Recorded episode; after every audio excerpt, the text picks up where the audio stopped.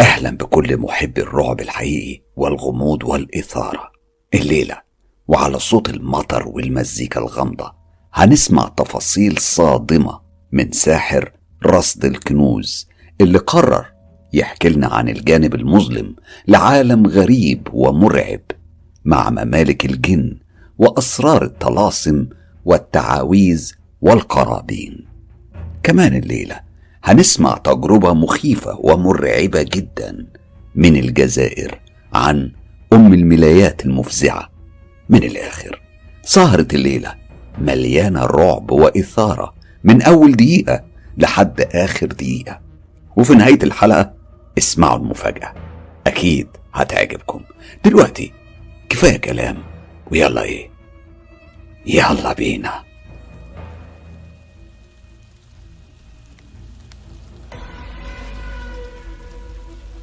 كل الحكايات اللي بتوصل لقناة مستر كايرو بتتحكى بتفاصيلها زي ما وصلت تماما. كل اللي بيحصل إن بيتم إعادة صياغة القصة بحيث نقدر نحكيها ونقدر نوصلها للجمهور بشكل مفهوم. النهاردة اللي قامت بصياغة التجربة المرعبة اللي هنسمعها حالا هي الصديقة والكاتبة إيمان حسن اللي بفتخر بوجودها ضمن فريق قناة مستر كايرو. إيمان أبدعت فعلا في كتابة القصة وهنسمع حالا وهنعيش كل التفاصيل زي ما حكاها صاحبها. الأسبوع اللي فات اتكلمت عن ساحر اتورط في عمل سحر الريح الأحمر. مين بيكمل معانا الحكاية؟ طبعا أنا هلخص لكم اللي حصل في الحلقة اللي فاتت. هو باختصار شديد اتورط في عمل سحر الريح الأحمر أقذر أنواع السحر ولم يدرك العواقب. طبعا كانت النتيجة إنه دفع كتير وكانت فعلا تضحيات لا تقدر بمال. النهاردة الساحر ده هيحكي تفاصيل كل الطقوس والتعاويذ اللي استخدمها وهيحكي كمان تجاربه مع العالم السفلي واحتكاكه بقبائل الجن وإزاي كان بيسخرها. ساحر رصد الكنوز بيقول عزيزي الأستاذ حسام طبعا في الأول أنا حابب أشكرك على اهتمامك بحكايتي وبشكرك على طريقتك في السرد وحابب كمان أشكرك إنك اخترت إنك ما تقولش اسمي بالرغم من إني سمحت لك إنك تقول اسمي يعني ده بالنسبة لي كان شيء عادي. لكن حرصك الشديد على اسمي وشكلي حقيقي ده مش عارف أشكرك عليه إزاي. لك مني كل التقدير والاحترام. خليني أبتدي كلامي معاك المرة دي بجملة يعني علقة في ذهني. أنا بعد ما فقت من اللي أنا فيه بجملة يا ريتني كنت أعرف. أنا فعلا شفت الجحيم بعينيا واسمح لي أتكلم معاك عن جزء من اللي عشته. تعاملي مع الملك ميمون الأسود أبا نوخ. تعامل كان خطير ما يستهنش بيه.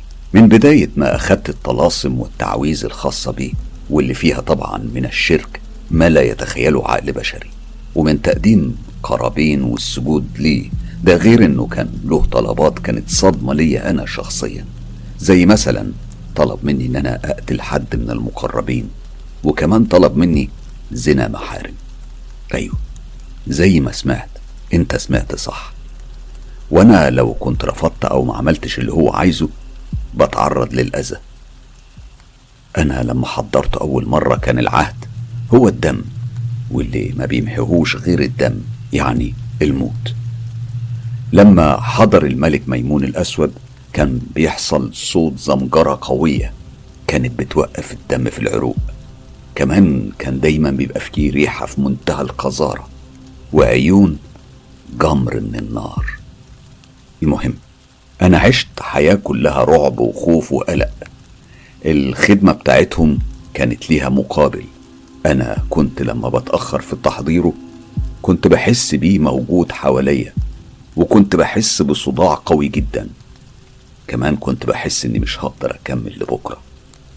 بص صدقني مهما قلت أو وصفت مش هتقدر تتخيل الخوف والرعب اللي أنا كنت عايش فيهم. عمرك ما كنت تقدر ترتاح لأن الغدر كان فيهم حتى لو نفذت طلباتهم. زي اللي حصل معايا لما طلب مني الخادم معاشرة مراتي وحرقته. اتقربت بتعاويذ وكتبت الطلاسم وقدمت القرابين واستغاثت بيه والبخور. يعني كل دي مغريات ليهم. هو وافق على حرقه لكن في المقابل سلط خدامه من الجن السفلي عليا. تخيل بعد كل اللي قدمته للملك الأسود. خدعني. خلاني أواجه الموت في كل لحظة. وهم الخدام نفسهم ما صدقوا. إن هو أطلقهم عليا. وبدأوا يتفننوا في تعذيبي. أوعى حد يصدق إنهم ممكن يصدقوا في كلامهم. الكذب عندهم بيجري مجرى الدم عند البني آدم. أنا شفت الأهوال علشان أقدر أتخلص منهم. أنا كنت بشوف الموت كل يوم وكل ساعة وبسمع همس في وداني. يفضل يقول لي مش هنسيبك هتموت. ما كانش بيصرفهم عني غير القرآن الكريم. وكنت بشوف الخدام قدامي على شكل قطط وكلاب. طب بص هقول لك على حاجة يمكن تصدمك. أنا كنت بحكم على 120 من خدام الجن. منهم ملك وطبيب ولصوص وخوارق وطيارين وأرضيين. كانت معايا مجموعة لا يستهان بيها وعلشان كده عمري ما عملت حاجة وخابت مني. وبالذات الأذى والمرض. أنا كنت بسلط هواتف مؤذية وزي ما قلت لك قبل كده كان ليا بصمة في كل أنواع السحر. وأعرفك على سحر الكواكب المعقد والسحر ده لو اتقرأ المسحور بيبقى خلاص السنة الجديدة ما تطلعش عليه. سحر مؤذي وخطير ده غير سحر الريح الأحمر وسحر الكبالة الأفريقي اللي حكيت لك عنهم قبل كده. أنا بعترف أنا ما سبتش حاجة غير لما عملتها. حضرت كتير وصرفت كتير وسافرت معاهم كمان. أنا كنت بنام الليالي في وادي اسمه عطروز في محافظة مدبة في الأردن وده وادي الجن. وادي عطروز التراب اللي فيه بيعقد عليه السحر وبيكون سريع. معظم أعمالي كنت بدفنها هناك. وكنت لما أروح هناك كانت قبائل وأشكال غريبة من الجن بتقابلني. منهم اللي برجل واحدة واللي بتلاتة واللي بعين واحدة واللي بتلات عيون. مجموعات وقبائل متنوعة من الجن. أنا كان بيتملكني الخوف ورعشة في الجسم لما كنت بشوفهم. قاعدين حواليا. لكني كنت زي السيد ما بينهم وكلمتي تمشي على أي حد فيهم. أنا كنت بمشي من غير ما أحس ألاقي نفسي في مكان تاني. كنت أحيانا بشوف أجمل ملكات الجن واقفين زي الصف قصاد عيني وكنت بعاشر معظمهم.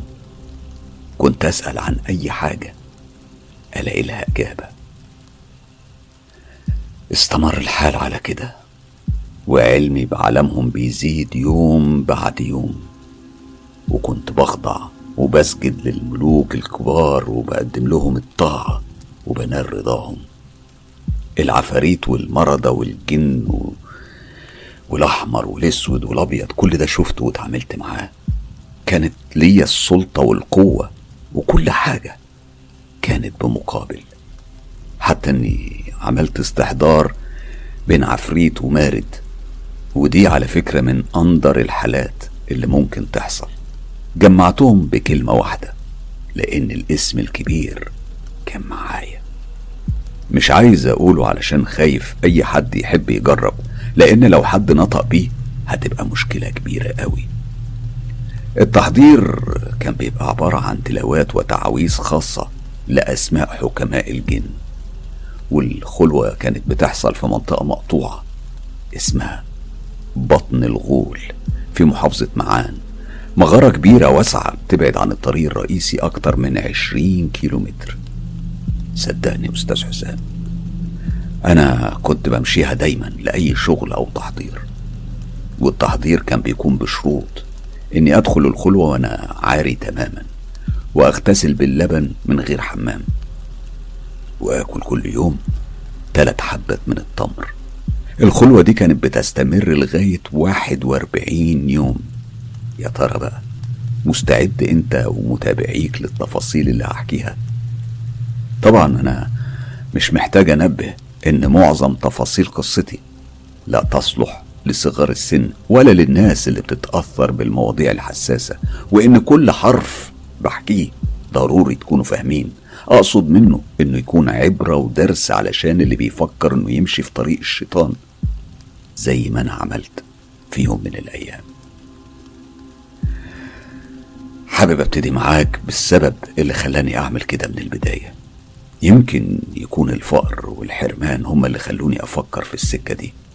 كان كل هم إني أكون غني ويكون عندي بيوت وأراضي ويكون ليا نفوذ وسلطة. والناس تخاف مني وتعمل لي ألف حساب. في البداية أنا حاولت في الدفائن لغاية ما خاب ظني. بعدها اتعرفت على العراقي اللي حط رجلي على عتبة الشرك. وأخدت أول خطوة في الكفر بالله سبحانه وتعالى. واللي بعدها بقيت صاحب القوة والنفوذ صاحب الملايين. وكنت بصرف من غير حساب. الفلوس كانت بتجري زي المية في إيديا. ووصلت لقمة المجد والقوة.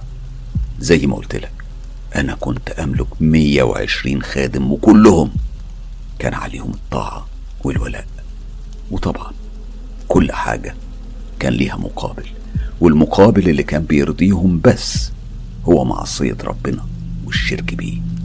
وكانت أبسط حاجة ممكن أعملها هو إني أفطر في رمضان مرورا بزنا الذكور وأكبرها. سب الله. استغفر الله. سب الله والملائكة والأنبياء. استغفر الله. استغفر الله. الظلم كان منهجي في الحياة. كنت بخرج للأودية بالأسبوع علشان أقدم ولائي وطاعتي للملوك السفلية وكنت باخد معايا أي حيوان أسود. جدي أو خروف أذبحه طبعا من غير تسمية وبعدين أرميها. وكنت برجع بعدها ألاقيهم مبسوطين. المثير للسخرية إن الجن كانوا بيجروا ورايا علشان أقبل خدمتهم. وأنا كنت بقيم قدراتهم من علاج وغوص وبحث عن الدفائن وطبعا كل ده كان له مقابل. المشكلة إني لو ضعفت لأي سبب هما اللي هيتملكوني. أنا قدراتي كانت بتكبر ومعرفتي بعالمهم كانت بتكبر. أنا عرفت كل نقطة ضعف بينهم. وأسماء كبراء أسيادهم وأسرار عهودهم وقوتي وصلت لدرجة إني كنت بقدر أحضر أي جن من غير استدعاء تحضير وطلاسم وتعاويذ. ووصلت كمان إني كنت بروح حفلاتهم وقعدت وأكلت من أكلهم وكنت سيد في مجالسهم. وأول مرة شفت اتنين من الإنس موجودين في الحفلة. وقتها أنا سألت عنهم الخدم بتوعي وعرفت إنهم مسحوبين لعالمهم عن طريق أميرتين من الجن من مدة. وده كان بسبب العشق. وده بيحصل أوقات من الجن. الحفلات بتاعهم بتبقى مليانة مزامير وطبول. ودي من أحب الحاجات عندهم. أنا مش هطول عليك. المهم أنا خرجت ومشيت لغاية ما وصلت لتلة جبل. قعدت عليها. كان يوميها القمر طالع وفضلت قاعد لغاية لما غلبني النوم. ولما صحيت لقيت نفسي وسط غابة مليانة شجر. أنا كنت جعان قمت مشيت لغاية ما وصلت لأول الطريق وقعدت تحت شجرة استنيت أي حد يعدي وفضلت مستني. بعد نص ساعة تقريبا شفت واحدة ست عجوزة شاورت لي بإيديها علشان أروح لها. وأنا فعلا رحت لها وأنا عارف ومتأكد إنها منهم. أول ما وصلت لها قالت لي بصوت غليظ أنت على أطراف مملكة الجن الأحمر. أنا استغربت وبقيت واقف مش عارف إيه اللي حصل معايا. مش عارف ليه ما جاش على بالي أحضر الخدام بتوعي وأسألهم بس الفضول شدني إني أستكشف لوحدي. وبحركة أنا كنت واخدها من الملك ميمون الأسود. حضر. وكان وشه بينقط غضب لأول مرة أشوفه بالطريقة دي. وبكل غضب قال لي أنت تعديت مملكتنا. أنت عايز توقع بينا وبين مملكة الجن الأحمر.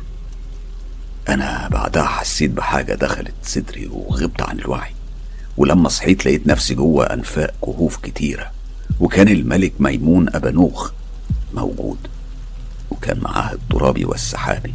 حسيت زي ما أكون موجود في محكمة. كل واحد فيهم فضل يسأل ليه قربت من مملكة الأحمر؟ وأنا مش عارف. أنا مش عارف أنا أصلا ما عملتش حاجة. وفجأة وقف واحد منهم وكان عايز يضربني. وصرخ وقال لي أنت كنت في فرح في أرض الأحمر. ومين معاك؟ ومين اللي أذن ليك بده؟ دخلنا في نقاش لحد الساعة اتنين بالليل. بعدها حسيت بضربة شديدة على وشي. وغبت عن الوعي. لما صحيت لقيت نفسي نايم في خيمة وكان قاعد قصادي راجل كان لابس زي البدو وكان في صوت أغنام حواليا وقتها حسيت إني جعان قوي لقيته بيقدم لي أكل وبيسألني أنت مين؟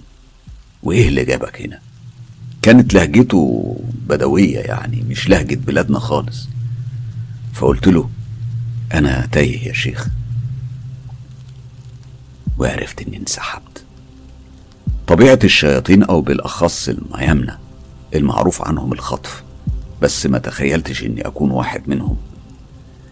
اللي حصل بعد كده إني رجعت لبيتي أو بالأصح يعني رجعت لبلدي لأني كنت في البادية في سوريا. آه والله يا أستاذ حسام تصدق؟ قمة الغرابة مش كده؟ بعدها حضر ميمون وقلت له أنتم خنتم العهد. وهنا ضحك ضحكة كلها استهتار. وقال لي إحنا ما خناش. وقتها أنا قررت إني اصرفه نهائي. وكان سهل عليا وحصل فعلا. صرفت ميمون وفضلت أفكر أشتغل مع مين وأحضر مين. وفي المرحلة دي كنت بدأت أتعامل مع الملكة اليهودية. ودي بقى حكايتها حكاية. لو تفتكر أنا آخر كلامي كان إني صرفت الملك ميمون أبانوخ وبدأت أفكر إني لازم أبتدي في التعامل مع حد في قوة الملك الأسود ده. وأنا كنت عارف أسماء كتير كنت أقدر أحضرها. وقتها قررت إني أحضر ملكة يهودية اسمها سارة. وهي كانت بتتحضر بالشمعدان اليهودي وبالقسم السليماني. وبحاجات تانية بس مش هقدر أقولها علشان محدش يجربها ويتأذى. الملكة دي كانت خطيرة.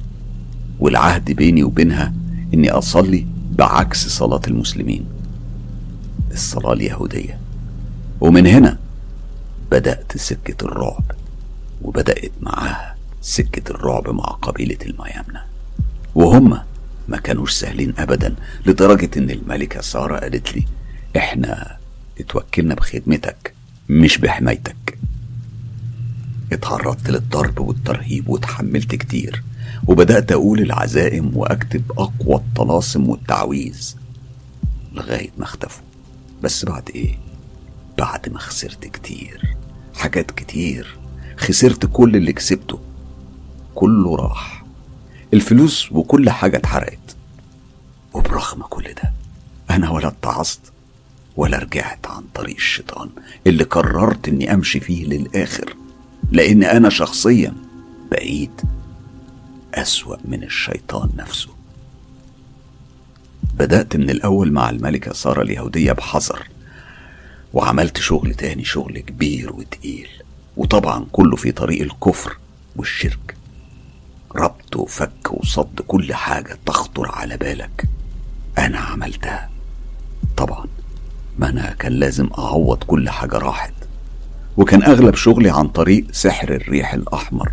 وزي ما قلت لك تعاملي مع الملكة سارة كان فيه حذر شديد لأنها ملكة مش سهلة. وعلشان أنا خلاص بقيت في النص لا أنا محمي من سارة. والميامنة مش سهلين أبدا. في الوقت ده أنا فكرت إني أتواصل مع العراقي بس المشكلة إني ما كنتش عارف أوصل له. لما كلمته على التليفون تليفونه كان مقفول وحاولت كتير وكتير لكنه فضل مقفول. من غير ما يقول لي وما عرفتش أتواصل معاه. في الوقت ده أنا فكرت إني لازم أتواصل مع حد من الشيوخ وكان في شيخ افتكرته كنت عرفته في الصومال وكلمته.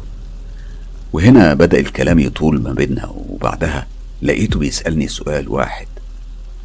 بيقول لي أنت صرفته بمشكلة ولا انتهت الخدمة؟ وإيه العهد اللي كان بينك وبينه؟ قلت له بصوت مهزوز وبيرتجف كان الدم لازم أموت. أو هو يموت. سكت الشيخ الصومالي شوية وبعدين قال لي أنا ما أقدرش أعمل لك أي حاجة. دي مشكلتك أنت ولازم تدبر نفسك. بقيت بعدها أي حد أشوفه منهم أحرقه على طول. معركة البقاء بدأت وكان يا أنا يا هما أنا حرقت أكتر من خمسة. كنت كل يوم بحس بالموت. كان دايما بيجيلي صوت في وداني صوت زمجرة صوت بيقول لي وبيهددني. باستمرار بيهددني إني هموت. كنت دايما بسمع صوت رجلين بتمشي ورايا. بعدها اضطريت إن أنا أصرف الملكة سارة لأنها ما كانش ليها أي لازمة في موضوع الحماية. وكان لازم أحصن البيت علشان ما حدش يقدر يدخله منهم. وبقيت أشغل قرآن باستمرار. وأجيب شيوخ من الجامع يقروا لي فيه لحد ما البيت سحره اتفك. فضلت ست شهور من غير شغل. مش علشان أنا تبت أو علشان أنا عرفت إن الطريق ده طريق الندم لا. علشان أشتغل مرة تانية وأبتدي من الأول وجديد. وزي ما تقول كده يعني أبتدي على نظافة. وبدأت أفكر طب أحضر مين؟ أنا شفت جبروت أكتر من كده وحضرت وقتها. اتنين سفليين من قبيلة الملكة عين. وكنت بفطر في رمضان وأكون دايما على نجاسة. أنا بقيت كده لدرجة إني بقيت شايف إن ده هو الطبيعي. وغير كده يبقى مش طبيعي. اشتغلت وكبرت وكبرت شغلي وبقيت أشرس وأعنف من الأول. كان لازم يبقى لي سلطة وعلشان كده بدأت أشتغل مع ناس مهمين في البلد. يعني بحمي نفسي علشان شغلي يبقى تمام وما يكونش عليا العين. وطبعا لأن المكر والغدر مليهم بقيت أغير كل فترة من خادم لخادم وفضلت على الحال ده لغاية ما تبت على إيد مراتي. دي بقى قصة لوحدها أبقى أحكيها لك. قصة يعني صعبة وهحكي فيها إزاي عالجتها ودي أكيد لما أحكيها لك هتبقى قصتي الأخيرة. باقي قصتي بقى قصة الطريق اللي مشيت فيه طريق الضلمة طريق المسدود طريق الكفر والشرك. بص علشان أصفي ضميري من كل الخطايا اللي أنا عشتها أنا هحكي لك عن قصة الشاب اللي أنا دمرت له حياته. فعلا المال بيعمل بصيرة وبيخلي العقل يتوه أكتر من الخمور وبيخلي صاحبه كمان مش مرتاح. خصوصا لما الفلوس بتيجي عن طريق الشرك بالله. وبالتالي عمر صاحب المال ما بيقدر يثق في أي حد حتى لو كان أقرب الناس ليه. لأن الفلوس بتدمر وبتفرق بين الناس وهو ده اللي حصل معايا. لأني أنا بمنتهى البساطة دمرت حياة شاب بسيط. ما كانش يملك في دنيته غير بيت قديم ومرتب متواضع. أما بقى تفاصيل القصة دي واللي حصل فيها. إن أنا وأنا في رحلتي لتونس اتعرفت على شاب في بداية الثلاثينات من عمره. كان شاب طويل وصاحب جسم رياضي وكان شكله وسيم. هو كان شغال في صيانة القوارب ويدوب مرتبه مكفيه هو وأمه وأخوه الصغير بالعافية لأن والده كان متوفي وهو اللي كان بيصرف عليهم. كانت أمنية حياته إنه يتجوز لكن متطلبات الجواز عالية عليه. ومتطلبات الحياة كانت غالية. الأحداث دي حصلت سنة 2010 والشاب ده من تعقيدات الحياة وقسوتها عليه خلته يشيل فكرة الجواز من فكره خالص. وكانت أمه بتخاف عليه وبتحاول إنها طيب بخاطره وتخفف عنه وتقول له ربنا كبير توكل على الله. الشاب ده نفترض إن اسمه عزيز وكان من أوائل المصلين.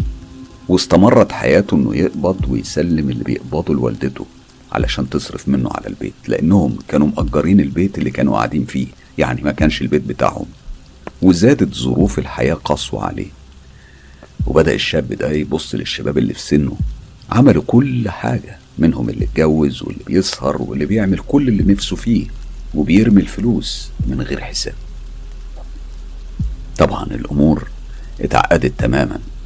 أنا بعد أسبوع من إقامتي في تونس في مدينة قرطاج وبالصدفة وأنا قاعد على كافيه وكنت بشرب القهوة بتاعتي سمعت صريخ وضرب وسب وشتيمة قصاد الكافيه. فقمت أشوف إيه اللي بيحصل. لقيت الشاب عزيز ومتلمين حواليه حوالي أربع شباب بيضربوه. قمت خلصته من الشباب من غير حتى ما أسأله في إيه. بعد كده عرفت إنهم كانوا عايزين منه فلوس. أنا من غير تردد أعطيتهم الفلوس اللي كانوا عايزينها وسبتهم ورجعت للترابيزة بتاعتي. وهو جه ورايا وقعد معايا وبدأت معاه الكلام. وقلت له مالك؟ ليه حالك كده؟ رد عليا وحكالي كل حاجة عنه. عينيه كانت مليانة دموع وفضل يشتكي همه لحد ما وصل إنه يعاتب ربنا. وبدأ يسأل ليه حظه كده في الدنيا وليه الحياة صعبة بالشكل ده معاه. ومرتبه القليل وأمه وأخوه اللي في رقبته وإنه خلاص ما بقاش قادر على مصروف البيت وإنه كان نفسه يتجوز ويعمل أسرة خاصة بيه. هو فضل يحكي عن كل حاجة تعباه. أنا وقتها طبطبت عليه وحبيت أساعده. كانت يمكن أول مرة أعمل حاجة كويسة في حياتي كلها وأساعد حد. في الوقت ده أنا عرضت عليه إنه يشتغل معايا ووقتها سألني برضو عن طبيعة شغلي.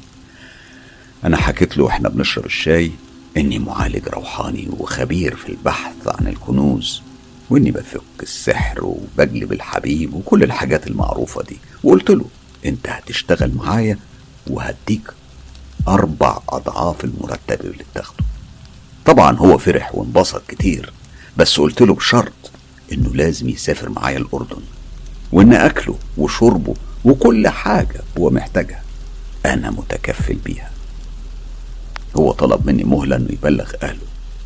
أنا وقتها اديته مرتب شهر وأزيد مقدم علشان يكفيهم شهرين أو ثلاثة وأقنع أمه بسفره وإن هو هيوفر لهم حياة كريمة بالسفر ده.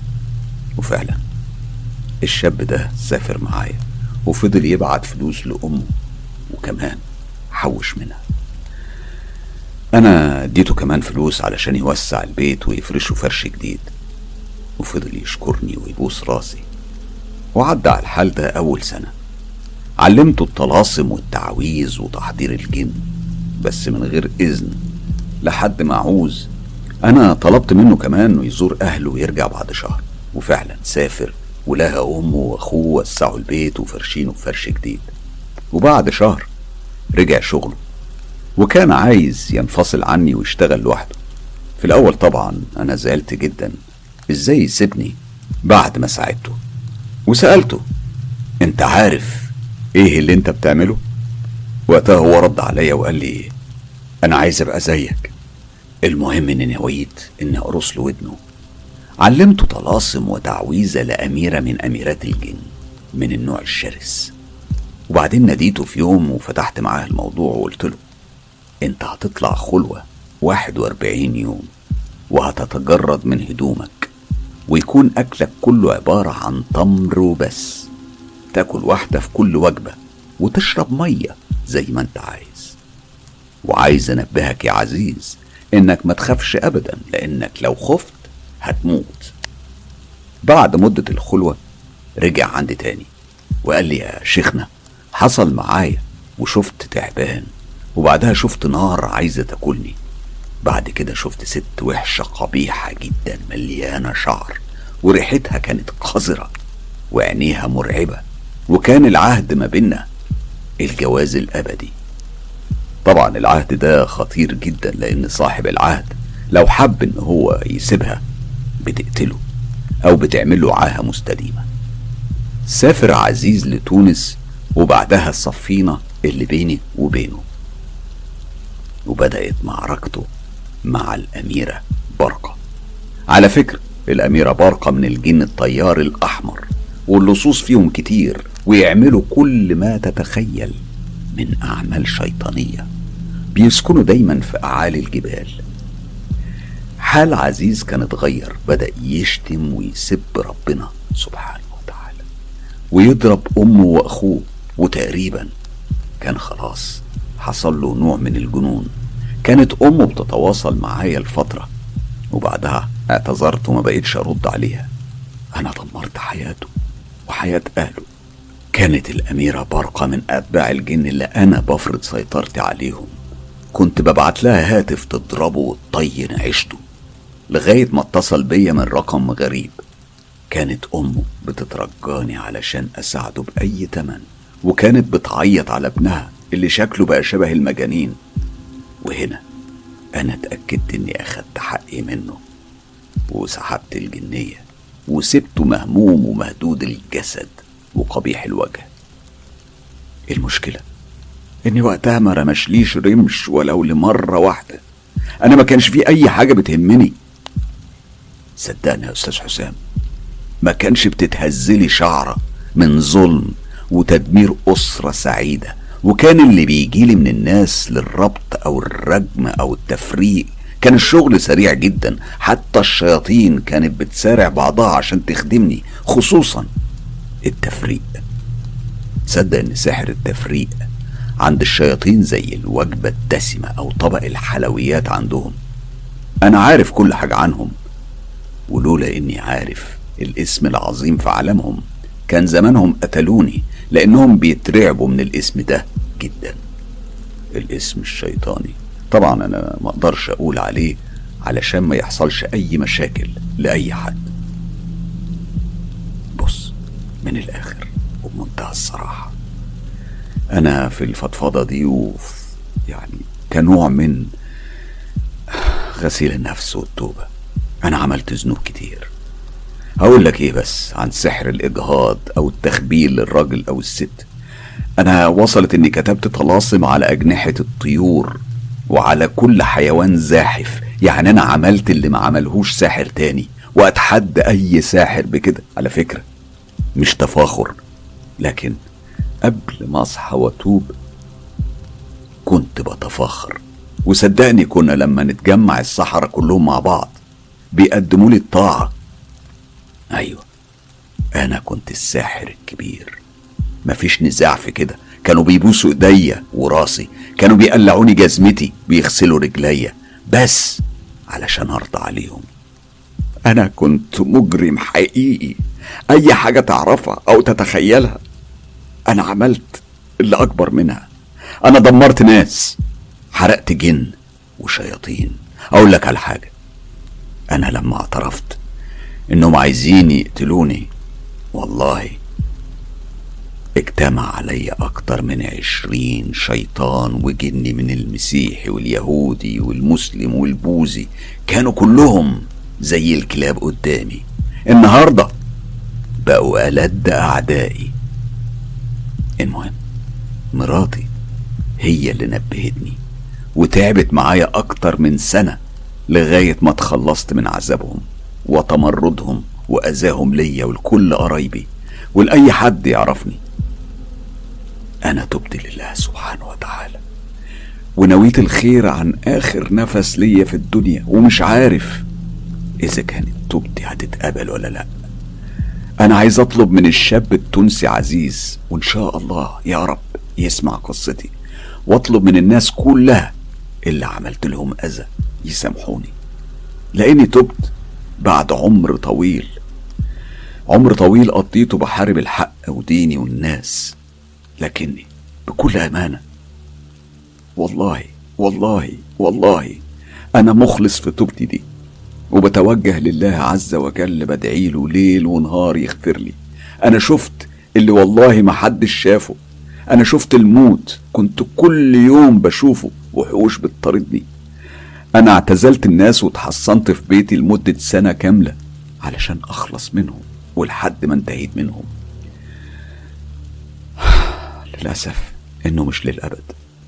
تعرف أستاذ حسام إن لغاية دلوقتي بحس بيهم لغاية اللحظة اللي بكتب لك فيها. والحمد لله أنا مش خايف وطبعا بقى كل اللي أنا بتمناه إني أعيش مع مراتي وولادي في هدوء وأمان. ده كل اللي بطلبه من ربنا سبحانه وتعالى. مش عايز أكتر من كده. أرجوكم أرجوكم أرجوكم. عايز دعوة صافية من قلوبكم. ربنا يقبل توبتي.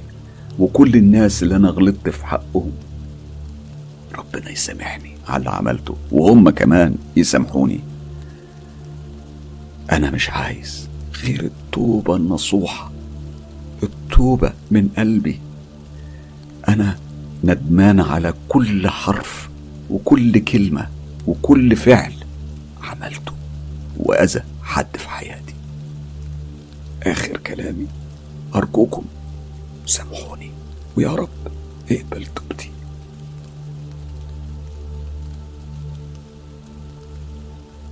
تفاصيل طبعا كانت مرعبة جدا ومخيفة ويعني بالنسبة للساحر كل كلامي ليه؟ أنا مش عارف أقول إيه. عارف اللحظة اللي بتوصل فيها إنك تبقى مش عارف تعاتب حد ولا حتى تقول ده ما يستاهلش العتاب وفي نفس الوقت حد بيتوب اللي ما يقدرش يرفض توبته هو ربنا سبحانه وتعالى. أنا كل اللي أقدر أقوله لك ربنا معاك. ربنا معاك ويسامحك واللي أهم من إنه يسامحك إنه يعفو عن كل الناس اللي أنت أذيتهم. ويخفف عنهم ويرجع الراحة والطمأنينة في قلوبهم قبل قلبك. لكن أنت ولأنك تبت دي مسألة بينك وبين ربك سبحانه وتعالى. سامحني لو ده هو ردي وتعليقي بس بعد كل اللي سمعته وقريته وحكيته أنا مش قادر أتعاطف معاك. سامحني. التجربة المرعبة التانية اللي هنسمعها النهاردة هي تجربة حقيقية ومرت بيها أديبة قناة مستر كايرو صباح النصري. صباح دايما بتحكي لنا على التجارب اللي شافتها أو اللي حد من قرايبها عاشها أو حد من معارفها. والنهاردة الحقيقة هتحكي لنا قصة غريبة اسمها قصة أم الملايات. القصة دي أحداثها حقيقية وحصلت في الجزائر. التفاصيل مرعبة ومخيفة وأكيد هنعيش لحظات كلها رعب وإثارة. تعالوا نسمع صباح اللي بشكرها كتير على مشاركتها لتجربتها معانا مساء الخير أصدقاء مستر حسام. القصة دي أنا راح أبدأها يوم ما كنت في البيت وكنت بتمتع بأكل الحلوى. وقتها أبويا كان بيبص فيا وبيضحك. أنا في الفترة دي كان عمري حوالي ست سنين. كنتش لسه أعرف حتى الكتابة ولا القراءة. يعني كنتش لسه متمكنة منهم. فاكر قوي وقتها إن والدي بص لأمي وقال لها البنت دي غريبة شوية. هي بقالها فترة ما طلبتش مني فلوس زي عيالك التانيين. اللي لما يشوفوني بينتفوني نتف علشان أديهم فلوس. بصت لي ماما وضحكت. أنا طبعا بين حوارهم ده كنت في عالم تاني وأنا ببص لهم. عالم جميل. ابتسامتي كانت واضحة. عينيا كانت مركزة في السقف كأني بتفرج على منظر أو مشهد أكتر من جميل. المشهد على فكرة مش مشهد خيالي ده كان مشهد حقيقي وده هو سري اللي ما يعرفوش حد ساعتها إلا لما كبرت. كنت أنانية وحريصة جدا على إني أخليه سر خاص بيا وأكيد جه الوقت علشان تعرفوه أنتم كمان. بيتنا قديم جدا من عهد الاستعمار. والبيوت قديمة وبسيطة ومبنية بالحجر سقفها من القرمود. كان فيه قدامنا وادي زي ما بنسميه بلهجتنا القنطرة أو الكوبري. عملتها فرنسا زمان علشان تمنع الفيضانات بسبب اللي كانت بتحصل يعني بسبب الأمطار. على أطراف الكوبري كان فيه كذا شجرة. الأشجار دي كنا بنعلق فيها مرجيحة وبنلعب هناك. وكمان الكوبري كان الطريق الوحيد اللي لازم نمر منه علشان نروح المدرسة الابتدائية الوحيدة اللي كانت متواجدة وقتها. المهم لما كنت بلعب قدام الأشجار لمحت شجرة. مش هقول إنها غريبة أو فيها حاجة تانية مميزة لا بالعكس. أنا بس حسيت إنها بتندهلي وبتشدني ليها. أنا كنت بمشي زي اللي شاف نور في ضلمة وبتبع الخط المستقيم اللي بيوديني للشجرة دي من غير ما أبص في أي اتجاه تاني. كنت بمشي زي اللي نايمة وبحلم كأني في مكان جميل. لما وصلت للشجرة دي وقفت قدامها أنا طبعا حجمي قصير صغيرة يعني وحطيت إيديا وبمسح بيهم على الجذع العريض بتاع الشجرة. لاحظت إن في كذا لفة. وفجأة اتغير المشهد. حسيت إني سمعت صوت بيقول لي احفري تحتي احفري. من غير ما أفكر يعني كطفلة صغيرة ما عنديش تفكير أصلا قعدت على ركبي وبدأت احفر واحفر بإيديا الصغيرة وصابعي الضعيفة. التراب كان يعني صلب وصعب كان يعني بالنسبة لسني حاجة مش سهلة إن أنا أعملها. وقفت لثواني علشان أرتاح وفكرت أروح البيت أجيب حاجة أستعين بيها في الحفر. من غير طبعا ما تنتبه خالتي وماما كنت رحت البيت ودخلت وأخدت معلقة ورجعت بسرعة للشجرة وكملت حفر. لحد ما حفرت حفرة كان عمقها حوالي شبرين ونص.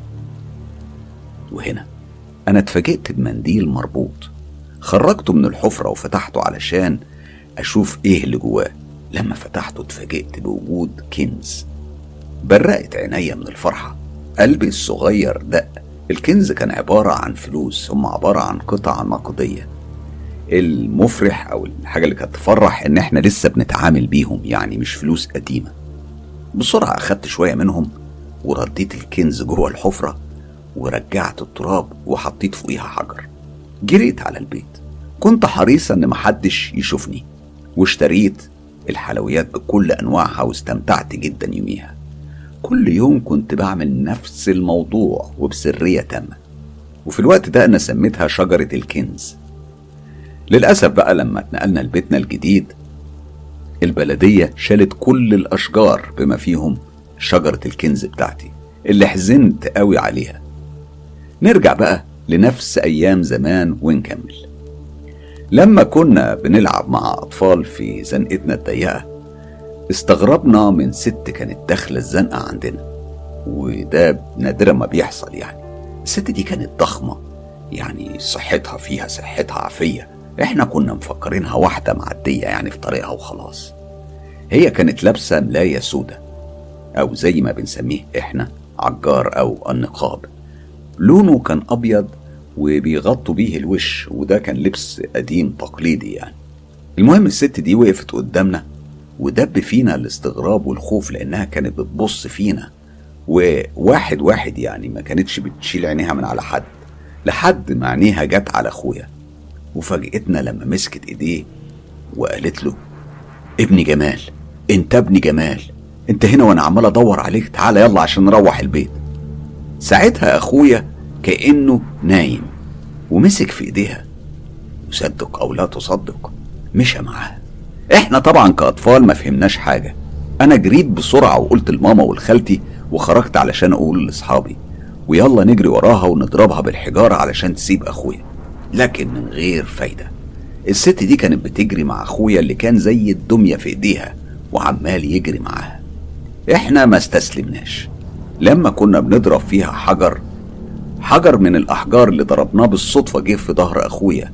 وقتها هو صرخ من الألم ومن صرخته دي زي ما يكون صحى من التنويم اللي كان فيه ومحبش يخلي الست تنتبه ليه.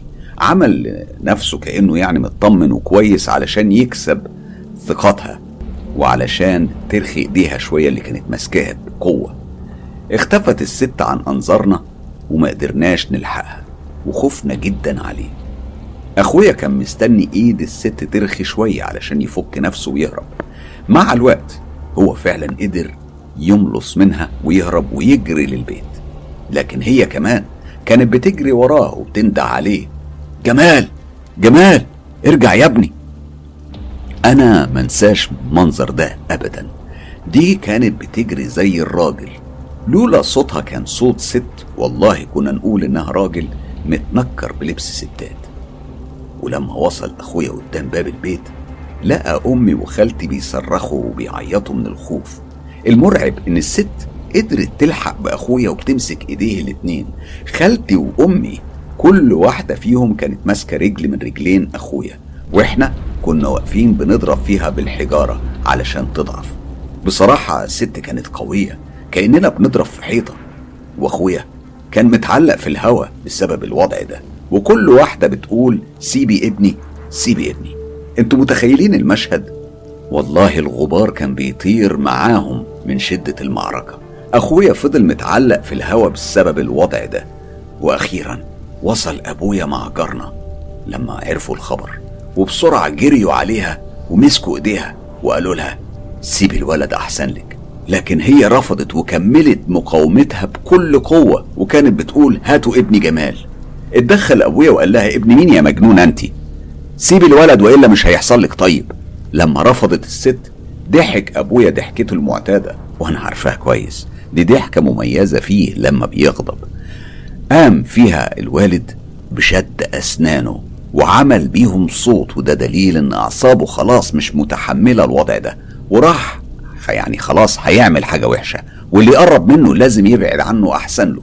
وبالفعل قام أبويا مسك إيديها السودة بإيد واحدة وبالإيد التانية مسك بيها ظهرها وقام زقها لبعيد. ولولا تدخل الجيران كان زمانه فرمها. الوضع طبعا ازداد تشابك مع بعض والأعصاب خلاص كانت كلها مشدودة وهو ما قدرش يتحكم في أعصابه. لما زقها أبويا بالقوة سقطت على الأرض وبعدين قامت ونفضت هدومها من التراب وهي بتبص لنا وبتقول أنا مش هسكت وراح أجيب ابني مهما كان. ومسحت بإيديها على وشها. دي كانت إشارة يعني نوع من التوعد والتهديد وبدأت تمشي زي الراجل بتخبط في رجليها حتى نفسها كنا سامعين فيه يعني صوت عالي وده كان بيدل على قوة غضبها. وأخيرا هديت العاصفة. بس الهدوء ده ما طولش. بسبب اللي حصل وقتها أبويا نبه علينا إن إحنا ما نلعبش بعيد عن البيت وإن إحنا دايما لازم نكون مع بعض وما نصدقش أي حد غريب يتكلم معانا. بس تقول إيه في حال أطفال. طبيعي بننسى بسرعة وبنخالف القواعد والأوامر. الحادثة دي إحنا سميناها ساعتها أم الملاية. ومر أسبوع أو أكتر من غير أي مشاكل وكان كل طفل بيلعب بحرية وفي كل مكان. ولما قرب وقت المغرب رحنا لبيوتنا. إلا أخويا اللي غاب وما روحش ليلتها. أبويا خاف جدا وراح فتش عليه لكن أخويا ما كانش له أي أثر. كل جيراننا والشرطة بحثت لكن من غير أي فايدة. يومين كاملين مروا ومفيش أي خبر عنه. كانت أسوأ أيام شفتها في بيتنا اللي أصبح ضلمة ومليان حزن وعياط. حتى النوم مفيش خالص ما كناش عارفين ننام من كتر الخوف والتفكير في أسوأ الاحتمالات. وكان كل لما الباب يخبط بنقوم مفزوعين إن إحنا قلقانين من أي خبر ممكن نسمعه. حمدا لله سبحانه وتعالى خالتي كانت موجودة. لولاها ما عرفناش نعمل حاجة. كانت الدنيا فعلا هتوه مننا. لأن أمي كانت انهارت تماما. وأنا ببص لأبويا كنت دايما ألاقيه حزين ومكسور. وفجأة لقيته بيناديني بيقول لي تعالي وقام حضن فيا وهو بيبكي. بصيت في وشه وقلت له ما تبكيش يا بابا. أخويا هيرجع. بس أجيب لك ورقة وقلم واكتب لي فيها جملة واحدة. هو فضل يبص لي وقال لي بأمر روحي العبي مع أخواتك مش وقت كتابة ولا رسم. لكني صممت على رأيي. زقني والدي وقتها بقوة لحد ما وقعت على الأرض وحسيت بوشي اتنفخ. كنت حابة أعيط لكن ماسكة نفسي. أبويا انتبه إن هو غلط بسبب قلقه وخوفه على ابنه. وقام قومني وقال لي خلاص روحي هاتي هاتي الورقة خليني أكتب لك اللي أنت عايزاه. أنا جريت بسرعة وجبت ورقة وقلم وقلت له اكتب. يا جمال اتبع صوتي مع الريح. أبويا استغرب جدا من كلامي وصنفه على أساس تفكير طفولي يعني مفيش حتى أي معنى للكلام. أنا وقتها وبسرعة أخدت الورقة وجريت لشجرة الكنز. حطيتها جوه الحفرة جوه المنديل مع الفلوس. وبصيت للشجرة وقلت بكل شفافية الأطفال يا شجرة يا شجرة وصلي الرسالة دي لأخويا جمال مع الريح. كررت الجملة دي كذا مرة وأنا عمال ألف حوالين الشجرة. بعدها روحت البيت وزي كل ليلة مرت علينا حزن وصمت رهيب. أهلي ما بيتكلموش إلا بالنظرات الكئيبة. محدش قادر يتكلم مع التاني. لما جه الصبح سمعنا خبط خفيف ومتقطع على الباب. أبويا كان قايم وهو خايف وعمال يدعي ربنا سبحانه وتعالى إنه الخبر اللي هيسمعه دلوقتي يكون خير. لما بابا فتح الباب سمعنا صرخة اتهز بيها البيت كله. أخويا رجع ورجعت لينا الفرحة والحياة لكنه كان تعبان قوي ولبسه كان مليان تراب كأنه كان في كهف أو مقبرة. أخويا اتغير. بعدها ولاحظنا إنه ما بيتكلمش كتير وبيبتسم كأنه وسط عيلة غريبة عليه وما بيعملش حاجة غير إنه ينام وبس. أبويا قال خلوه يرتاح أكيد مصدوم من اللي حصل له وشافه وأكيد هيحكي لنا. أنا من فرحتي قلت أروح أسلم على الشجرة وأجيب فلوس وأشتري بيها حلويات لأخويا. لما اتلفت علشان أخرج وقفني أخويا. كنت أنا أول واحدة اتكلم معايا. وقال لي أنا سمعت صوتك مع الريح وأنت بتندهي عليا وحسيت نفسي كأني في منام وكنت في ضلمة شديدة ومعرفتش حتى أمشي فيها من الخوف. كنت سامع أصوات تانية مش مفهومة بتهمس في ودني بس أنا ميزت صوتك ما بينهم ورحت ورا لحد ما لقيت مخرج وخرجت منه للنور. وبعدين قال لي كنت تحت الأرض زي اللي متكتف في مكان ضلمة وكنت بسمع في أصوات مش مفهومة. خطوات مش عارف مصدرها أو بتاع مين. الخطوات دي صوتها كان جاي من كل اتجاه. ده اللي أنا فاكره بس لأني كنت زي نايم. الصراحة أنا معرفتش أرد عليه. ممكن لأني ما فهمتش يعني وقتها لأني كنت أصغر منه وكان تفكيري محصور في إني أشتري حلويات وبس أخويا اتغير جدا من ساعة الحادثة دي. ولما اتنقلنا لبيتنا الجديد كان بيصحى الصبح علشان يروح المدرسة اللي تقريبا بتبعد عن بيتنا حوالي نص ساعة. ما كانش بيفطر. النص ساعة دي كان بيمشيها وهو نايم. بيشق الطريق وهو ماشي يعني نايم برضه. كان بيحل امتحاناته وتحس إن هو نايم. ما بيروحش البيت إلا لما الدنيا بتليل. لأنه كان بيفضل قاعد في المدرسة يلعب على السلم طالع نازل عليه. لحد لما بيشوفه حارس المدرسة. اللي كان دايما يوصله نص الطريق لأن الدنيا كانت بتبقى خلاص هتضلم. والغريبة إن امتحاناته بالرغم من كل ده كان متفوق فيها. والشيء ده خلى الأستاذ يتكلم مع أبويا وينبهه لخطورة الموقف وقال له إن ابنه في حاجة ولازم يتعالج. أبويا طبعا سمع كلام المدرس وأخد جمال للطبيب الوحيد اللي كان متواجد ساعتها وقال له ابنك بخير ما عندوش حاجة. قام الوالد وأخده لإمام الجامع ورآه كم مرة لحد ما اتحسنت حالته ورجع لحياته ولعبه بشكل عادي. يعني دي تجربة أنا مريت بيها في طفولتي وفاكرة كل تفاصيلها وفاكرة اللحظات المرعبة والمؤلمة والمخيفة اللي عشناها. أنا اللي حابة أقوله بعد ما سمعت التجربة دي إن إحنا لازم نخاف من القريب زي ما بنخاف من الغريب. حياة أطفالنا لو ما راقبناهمش بتكون في خطر أكتر من الناس الكبار في السن. أطفالنا لازم علينا حمايتهم ومراقبتهم لأن عيون الشر كتير مش بس من الإنس لأ من الجن كمان. بشكر صباح كتير على مشاركتها لينا بتجربة مرعبة بكل التفاصيل اللي سمعناها. أنا عشت معاكي كل اللحظات يا صباح طريقة الحكي معيشاني كأني وسط الحدث كأني شايف اللي بيحصل فعلا كأني عايش أحاسيسكم ومشاعركم. أتمنى أكون عرفت أنقل الإحساس ده لكل أصدقاء مستر كايرو اللي بيتابعونا النهاردة. دلوقتي مع بعض أه قبل ما أبدأ معاكم فقرة أه التعليقات حابب أنوه عن المفاجأة اللي وعدتكم بيها في بداية الحلقة. إحنا الأسبوع ده إن شاء الله طبعا آه، كتير منكم تابعوا آه، قصة أو تجربة أنا الكفرة التجربة الحقيقية اللي حياة صاحبتها حكتها ليا بالتفصيل الممل هي ووالدها.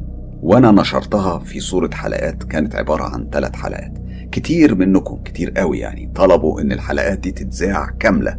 أنا بالفعل جهزت الحلقة والحلقة هتكون الثلاث حلقات مجموعين يعني عاملهم في تجميع مع بعض وهضيف عليهم قسم تسجيلي. القسم ده بيتحكى بصوت شخصية. عصرت آه، قضية عبدة الشيطان في مصر في التسعينيات. والشخص ده أنا بحتفظ باسمه مش هقول مين هو آه، هيوثق اللي حصل في الفترة دي لأن هو كان من ضمن الناس اللي كان بتحضر الحفلات دي وحابب أكد إن الجزء التسجيلي اللي هتسمعوه الخاص بعبدة الشيطان في مصر ملوش أي علاقة من قريب ولا من بعيد بقصة حياة. أنا بس بعرضه علشان أعرض الجانب الآخر للقصة علشان نعرف الناس اللي بتعبد الشيطان دي أو الناس اللي اشتركت في الموضوع ده اشتركت فيه إزاي ونعرف تفاصيل أكتر من خلال الجزء التسجيلي المهم اللي مدته هتبقى حوالي نص ساعة كاملة.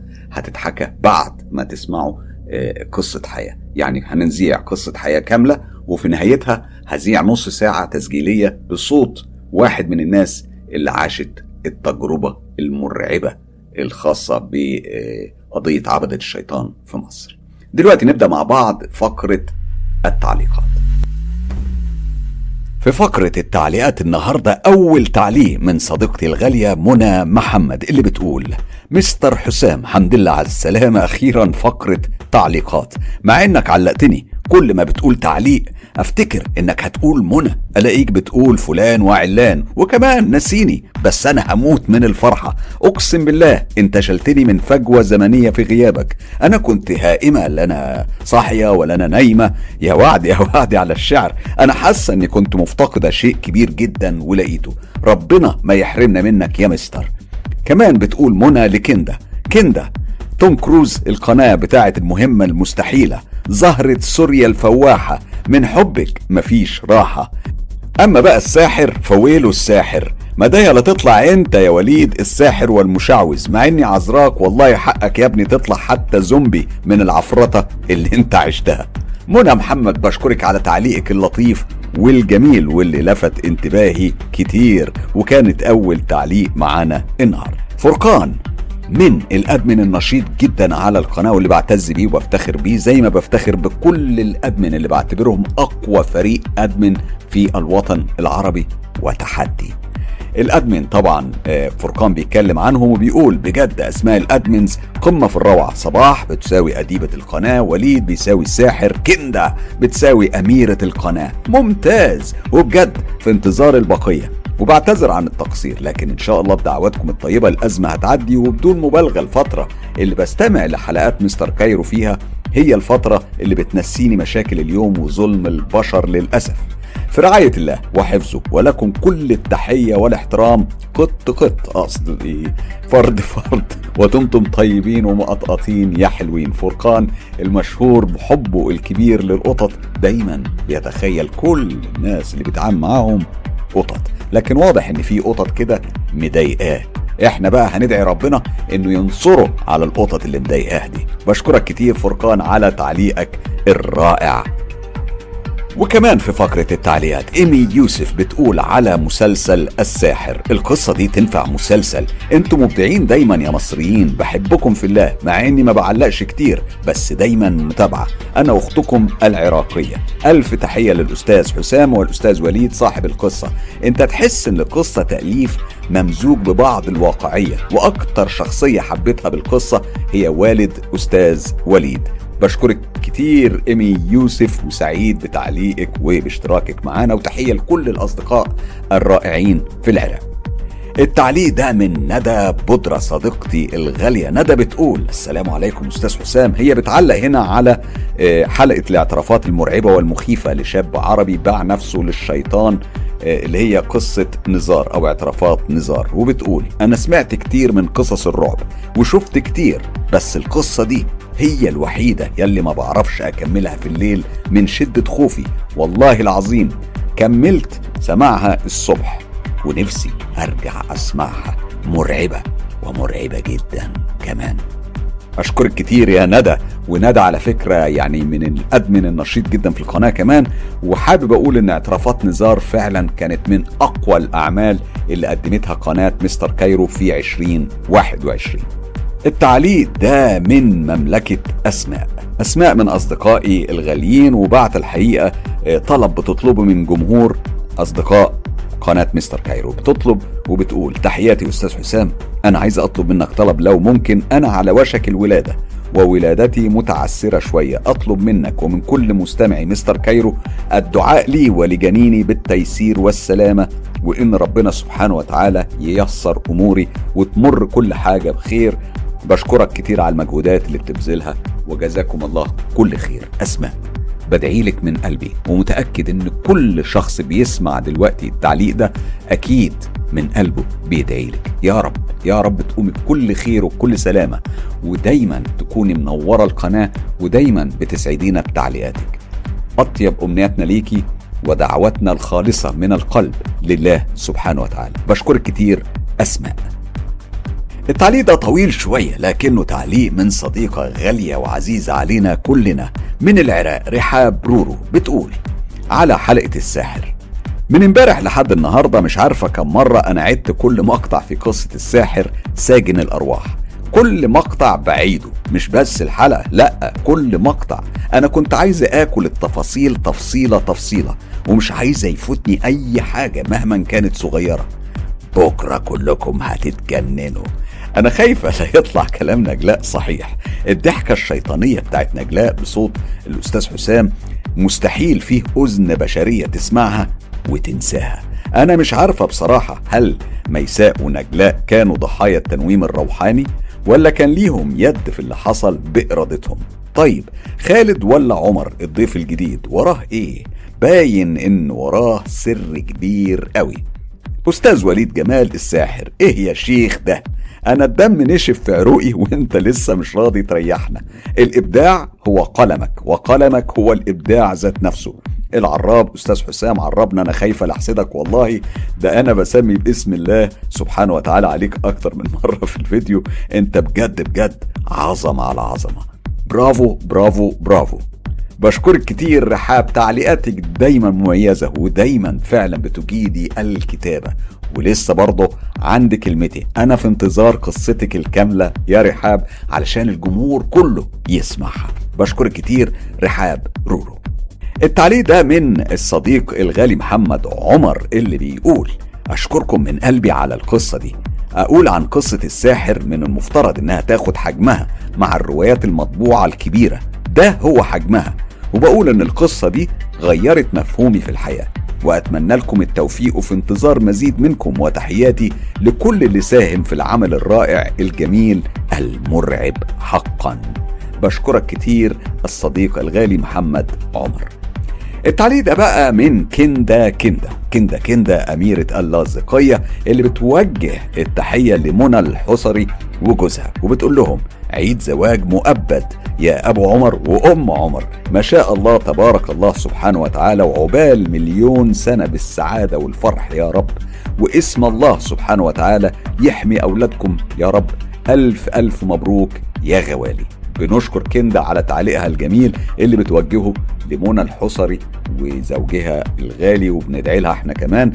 وبالمناسبة دي أنا هقرأ تعليق بقى منى الحصري اللي بتقول مساء الفل أحلى قناة وأجدع ناس في الدنيا عيلتنا الحبوبة عيلة مستر كايرو مساء الخير الساحر وليد جمال وكندا والعراب حسام مصباح. يسعد مساكم جميعا. النهاردة عيد جوازي الواحد وعشرين. مفيش يعني كل سنة وانت طيبة يا منى يا بنت أم منى. مفيش يعني عيد زواج مؤبد أختنا أم عمر. بحبكم بالزاف يا قلبي. أنتوا ربنا يسعدكم يا رب جميعا. منى أكيد طبعا. بنقول لك ألف ألف مبروك عيد جواز 21 وعقبال يا رب ما تخلصي التأبيدة 25 سنة وتكملوا 25 زيها بإذن الله سبحانه وتعالى. دعواتنا ليكم للأسرة كلها لزوجك وأولادك ويا رب يا رب دايما سعيدة وفرحانة ودايما من ضمن أسرة قناة مستر كايرو. بشكر كتير منى الحصري صديقتي الغالية وبنت بلدي الغالية جدا. التعليق. ده من الصديق الغالي سامح ام صفوت اللي بيقول على قصة الساحر أيقونة جديدة وقطعة من الأحجار الكريمة تضاف إلى جدار من جدران قلعة الساحر. إبداع وتشويق وأجمل ما فيها رونق إنها أحداث حقيقية وليست من نسج الخيال. تحياتي. سامح بشكرك كتير وأكيد كلامك ده هيفرح وليد كتير جدا جدا. دي كانت آخر تعليقاتنا النهاردة في فقرة التعليقات وما تنسوش إحنا دايما كل يوم سبت واثنين وأربع مع بعض على قناة مستر كايرو. لو عندكم تجارب حقيقية وحصلت بالفعل ليكم أو لحد من أصحابكم وحابين تشاركوا بيها أصدقاء مستر كايرو ابعتوا التجارب على الصفحة الرسمية للإعلامي حسام مصباح على موقع التواصل الاجتماعي فيسبوك أو على موقع صراحة أو تطبيق تليجرام كل الروابط دي على فكرة موجودة هنا في خانة الوصف. أما للحصول على كل الحصريات انضموا لجروب تجربة رعب مستر كايرو وصفحات القناة صفحة هستيريا قصص رعب وكمان صفحة مستر كايرو على فيسبوك. ولو حابب تدعم تجربة مستر كايرو ادعموا بالاشتراك في القناة أو الإعجاب بالكليب. لو عجبكم طبعا و share الكليب في كل مكان واتساب ماسنجر انستجرام وأخيرا يوتيوب خلي الدنيا كلها تعيش تجربة مستر كايرو.